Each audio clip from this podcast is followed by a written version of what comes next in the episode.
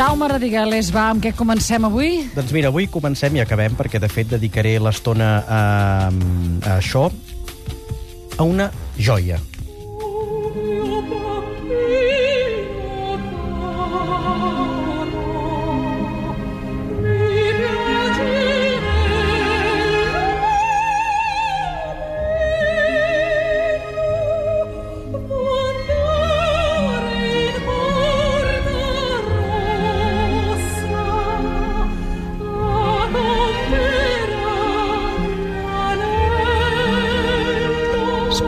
Preciós, això, eh? Això és una joia. És una joia perquè és una peça preciosa que es diu O mio babbino, caro, atenció, amb dues Bs, que no vol dir bambino, eh, no és una àrea amorosa, mm, diguem, d'amor eh, sensual eròtic, sinó que és una àrea d'amor de filla cap a pare, perquè babbino és el diminutiu de papà en, en italià i en mm -hmm. toscà en particular, perquè aquesta òpera que es diu Gianni Schicchi, que va escriure Giacomo Puccini, passa a la Toscana, a, a, en fi, a la zona de Florència.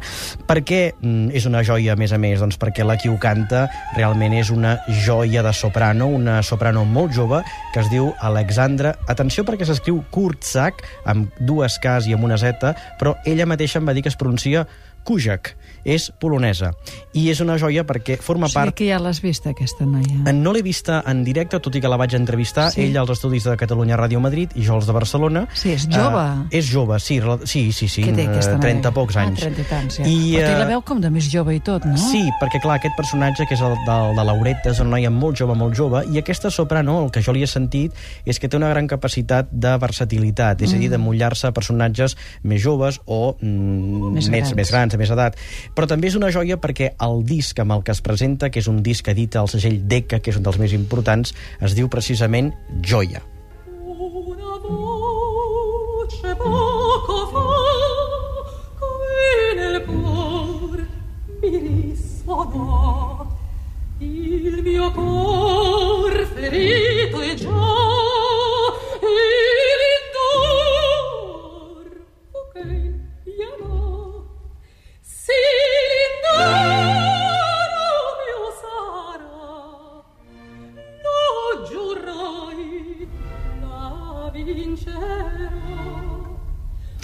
Això és un fragment del Barber de Sevilla, de, de Rossini, i aquí la veu, jo crec que els oients hauran notat un cert canvi, perquè aquí la dona Sí. imprimeix caràcter. Ah. És un personatge, ja en vaig parlar fa uns mesos del Barber de Sevilla, que diu soc molt dòcil, soc, uh puc ser molt dolça, però ai del qui em provoqui. Aquí aquesta dona imprimeix, com deia, caràcter.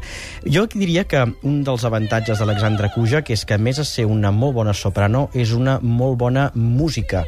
És una dona que té una musicalitat innata. I ara et diré una cosa, una frase Quina? que pot semblar molt provocativa.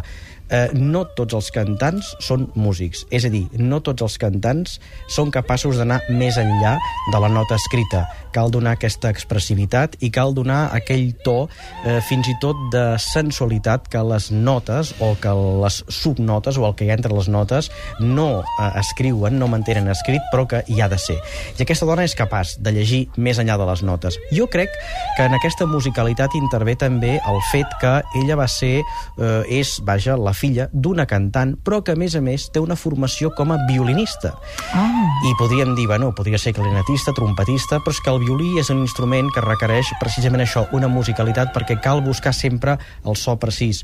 El violí és un instrument molt difícil de tocar, és un instrument d'afinació molt difícil, fins al punt que fins a quart o cinquè curs de violí allò no comença a sonar com hauria de sonar. I aquesta dona, el fet que tingui una formació com a violinista, fa que tingui una afinació impecable, cosa que es veu en les diferents pistes d'aquest disc.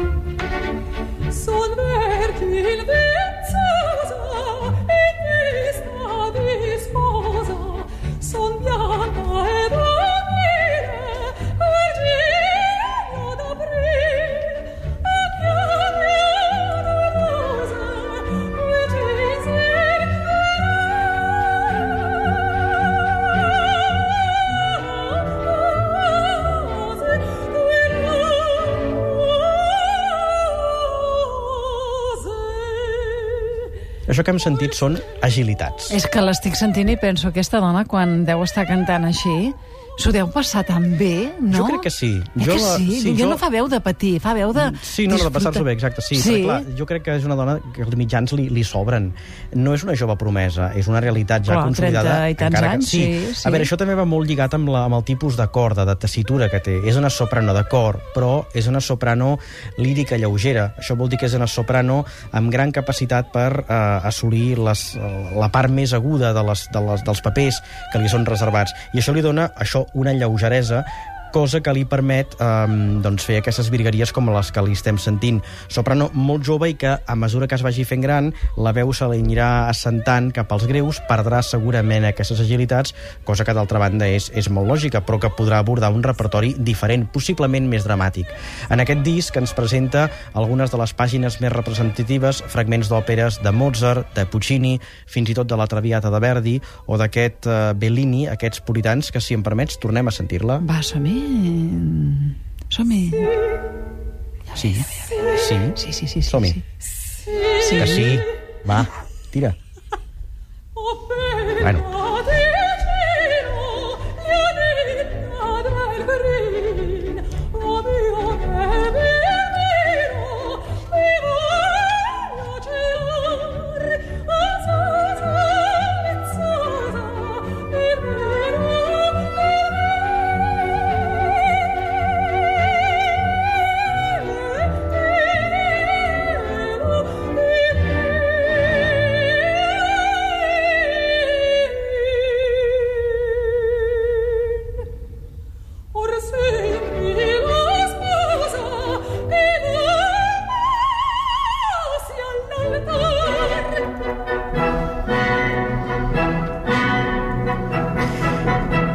Que, a més a més, està triomfant bastant arreu de, del món, en els principals teatres. Ha actuat, per exemple, en un lloc que és gairebé un temple de la lírica, com és l'Escala de Milà. Uh -huh. Aquest estiu estarà al Festival de Salzburg, que és un dels festivals més importants d'òpera del món, i, per cert, com que ens queden, em sembla, dos, uh, dos programes, parlaré en els propers dels programes dels festivals d'estiu, els principals festivals d'estiu, i en la setmana que ve et parlaré de Bayreuth i de Salzburg, on aquesta senyora actuarà. És, en definitiva, una d'aquestes persones que més eh, sonen en el panorama mundial. Ha estat a l'estat espanyol fent eh, una òpera a València, l'Elisir Sí. de More, i també a Madrid, on ha cantat Les noces de Figaro de Mozart. I ens va dir en aquesta entrevista que vindrà a Barcelona per fer un dels papers més emblemàtics del repertori, com és la protagonista femenina de la Traviata. Doncs estarem pendents també que vingui. Jaume, i a tu que tornis. Eh? Home, esperem que sí. Dimarts de la setmana vinent. Gràcies. Encara tinc un trosset més, eh, si vols. Sí, espera, home, sí. espera. Mira, mira. Jaume...